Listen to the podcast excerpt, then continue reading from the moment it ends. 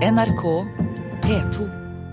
Jeg tenkte ikke på det før nå, men dette er jo altså låten 'She Loves You', og vi skal nå snakke om en, eh, en liten kunstfigur som eh, bruker hele sitt liv på å elske en eh, annen person. Vi snakker om den lille havfruen, som er 100 år i dag. Hun ble laget av billedhugger Edvard Eriksen, og det var hans kone Eline som satt modell for den 165 cm høye statuen som står i København.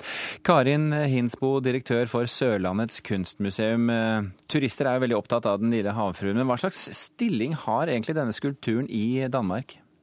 Jamen, det er jo blevet et ikon. Det er jo et varetegn, ikke bare for København, men for Danmark. Men der er noen turister, som blir altså litt skuffet når de ser den, for hun er jo ikke så veldig høy og stor. Nei, tror de at den er en, en voldsom skulptur, da? Ja, fordi hun fremstår som sånn et emblem for København, så forventer man jo noe på størrelse med Eiffeltårnet. ja. men, men, har denne ha, lille havfruen gjort noe med den danske identiteten? Jeg ved ikke om hun har gjort noe med identiteten. Da hun ble skapt i 1913, oppført, der var hun jo nok allerede et utslag av en kunstpraksis der var litt mer tilbakeskuende enn stående midt i sin samtid. Men, hun er jo blevet brukt veldig mye som dansk identitet. Og hun jo har også blevet brukt som forskjellige altså et et billede igennem tiderne på forskjellig vis i Danmark. Hun har jo vært utsatt for litt av hver. Ja, hun har det. Vi kommer tilbake til det etter hvert, Hinsbo. Jarle Strømodden, museumsleder for Vigelandmuseet her i Oslo. Hva tror du kan være grunnen til at noen statuer får en sånn, hva skal vi kalle det, en ikonisk status?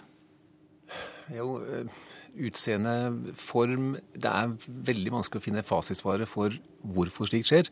Altså, vi har Havfruen, men også da i Oslo Sinnataggen, mm. som er liten og unnselig. Og den har det samme som Havfruen. Den er veldig liten, og den er gjemt, og man må nesten lete Mannequin Peace, for eksempel? For eksempel. Ja. Så nei, jeg, jeg, har tenkt litt på det, men jeg klarer ikke å komme frem til det som er fasvaret for hvorfor disse unnselige skulpturene blir skal vi si, så folkekjære. Kan det ha noe med at de representerer en sånn slags menneskelig egenskap eller sinnsstemning, eller noe folk kjenner seg igjen i? Mannequin Peace og Sinnadagen, definitivt. men, men, akkurat med Lille havfruen så kan det ha flere ting. Det mytologiske. Og så tenker jeg altså personlig, den er jo pen. Det er det, så den, den, appellerer jo til noe som er skal vi si, allmenngyldig og evig. Det tør jeg mene. Denne, denne figuren, uh, Hinsbo, den, den, er jo inspirert av H.C. Andersen-eventyret, så vidt jeg forstår. Ja, det er riktig. Uh, og, og, og, var det eventyret Hadde det satt seg i, i det danske folk? Uh, det ble jo skrevet midten av, før midten av 1800-tallet. Hadde det da satt seg i det danske folk slik figuren har gjort siden? Nei, det, øh, det, det, tror jeg faktisk ikke. Øh, og jeg tror også det er mange der egentlig ikke helt øh, vet hva det eventyr går ut på. Men H.C. Andersen var jo bare en meget, meget stor og mektig mann. Og, og han har hatt stor betydning i Danmark. Men det er jo en grusom historie. Altså, Den lille havfru man kjenner i Disney-versjonen, er jo noe hyggeligere. Ja, Hun blir vel et menneske til slutt, hun lille havfruen, gjør hun ikke det? Nei, hun dør. I, hun, nei, ikke i Disney? Nei, i Disney nei, der dør hun ikke. Puha. Nei, det var det jeg mente. nei, men i H.C. Andersens versjon, ja. der ofrer hun alt hva hun har, og så velger prinsen en annen. Og så ender det med at hun ofrer sitt eget liv allikevel for å redde ham. Hmm. Er det, og det du sier er at danske kjenner seg kanskje ikke helt igjen i det? Nei, det, det, det, vil jeg da ikke håpe her i 2013 i hvert fall, at, at en kvinne skal ofre alt hva hun har, inklusiv sitt eget liv, for en mann der heller vil ha en annen. nei, ikke sant. Strømodden, i likhet med havfruen i København, så har også Sinnataggen fått hard medfart gjennom årenes løp. Hva, hva tror du hva, hva, tror du eh, årsaken er til at folk må liksom bort og ta på eller ødelegge eller stjele? Ja, fra det si, generelle til det spesielle. Eh, med Sinnataggen så vet jeg at det er si, noen urbane myter om at det gir lykke. Ja, Da snakker du om de som går bort og tar på hånden, ja, ikke sant? Ja, ja det er riktig. Um, ellers så Det handler jo litt om det å vite hvorfor de blir så si, sterke i folks bevissthet. Som det er veldig vanskelig å sette noe svar på. Men de får jo da en slags kulturell verdi, uh, denne synligheten. Eh, og så tenker jeg at eh, dess høyere skal vi si, kulturell verdi en skulptur eller et kunstobjekt får, dess eh, mer skal vi si, kred gir det å kunne påføre dem noen skade. Sånn som man har opplevd med Den lille havfrue og, og Sinnataggen. Og det, det er veldig uheldig. Eh, Men det er ikke bare vandaler som gjør dette her, det er også kunstnere, så vidt jeg forstår? Ja, det er det. Jo, men det tror jeg min kollega Hinsbo må svare på. Ja, kom igjen, Hinsbo. Fordi at det var noe som skjedde med, med Lille havfruen i så måte? Ja, der, altså, der har jo faktisk vært flere kunstprosjekter innover. Altså, jeg tror, siste år, der ble hun faktisk uh, brukt i en, en happening fra uh, en utstilling på Charlottenborg av en gruppe, som heter uh, The Humping Pact, tror jeg. Øh, jeg håper man ut av det ord øh, kan forstå, hvad denne aksjonen gik ud på. Jeg har ikke så meget lyst til sådan at skulle redegøre for den her i radioen.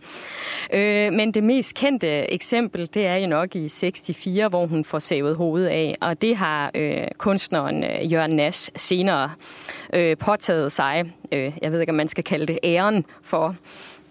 Men er, dette, er, det å sage av hodet som en del av et annet kunstverk, er det et godt kunstverk? Altså det her, det er lige præcis denne her aktion, som man nok bør kalde det. øh, Det, det var en del af en kunstgruppe, som hed øh, Situationisterne, øh, som faktisk har været meget, meget betydningsfulde for en række ting, også for, for altså studenteroprøret 68 i Paris. Og, og der var også en fraktion i Danmark, og det handlede om på det tidspunkt at prøve at fordreje verden. Det vil sige lave om på den, og egentlig forkaste nogle af de øh, ikoner, som hang fast i en anden kultur. Øh, så på den måten så, så vil jeg gerne anerkende det som et, øh, et kunstverk. Strømodden, du ristet iherdig på hodet. Jo, jo, men jeg er enig med min kollega at det er jo et kunstverk, men jeg vil ikke si at det er et godt kunstverk. Uh, og det handler litt, litt gammelmodig sagt, at det handler om respekt for andre kunstneres uh, verk. Det handler om annen persons eiendom, eh, for å nevne to ting. Men, men er ikke det å bedrive kunst også å rive ned ikoner, eh, om enn kanskje ikke så bokstavelig som i dette tilfellet? Det er nettopp det. Eh, man kan gjøre det i overført betydning. Man må gjerne begå si, fadermord og modermord, men, men det er også, også et spørsmål om hvilke si, ytterligheter man skal gå til, selv om aksjonistene her nettopp er kjent for å være aksjonister. Eh, Hinsbo, eh, statuen har altså 100-årsdag i dag. Kommer du til å feire på noe som helst vis? Jo, jeg har fejret det veldig mye allerede. Altså, jeg har vært en tur til frisøren, og så har jeg kjøpt et par sko, jeg ikke kan gå i. ja. Hva med deg, Strømånden? Kan du feire litt? Eh, ja, jeg får eh, markere det med ja. Jo, det kan jeg godt gjøre. Ja. Det er godt. Jarle Strømodden og Karin Hinsbo, tusen hjertelig takk for at dere var med i eh, Kulturnytt. Hør flere podkaster på nrk.no podkast.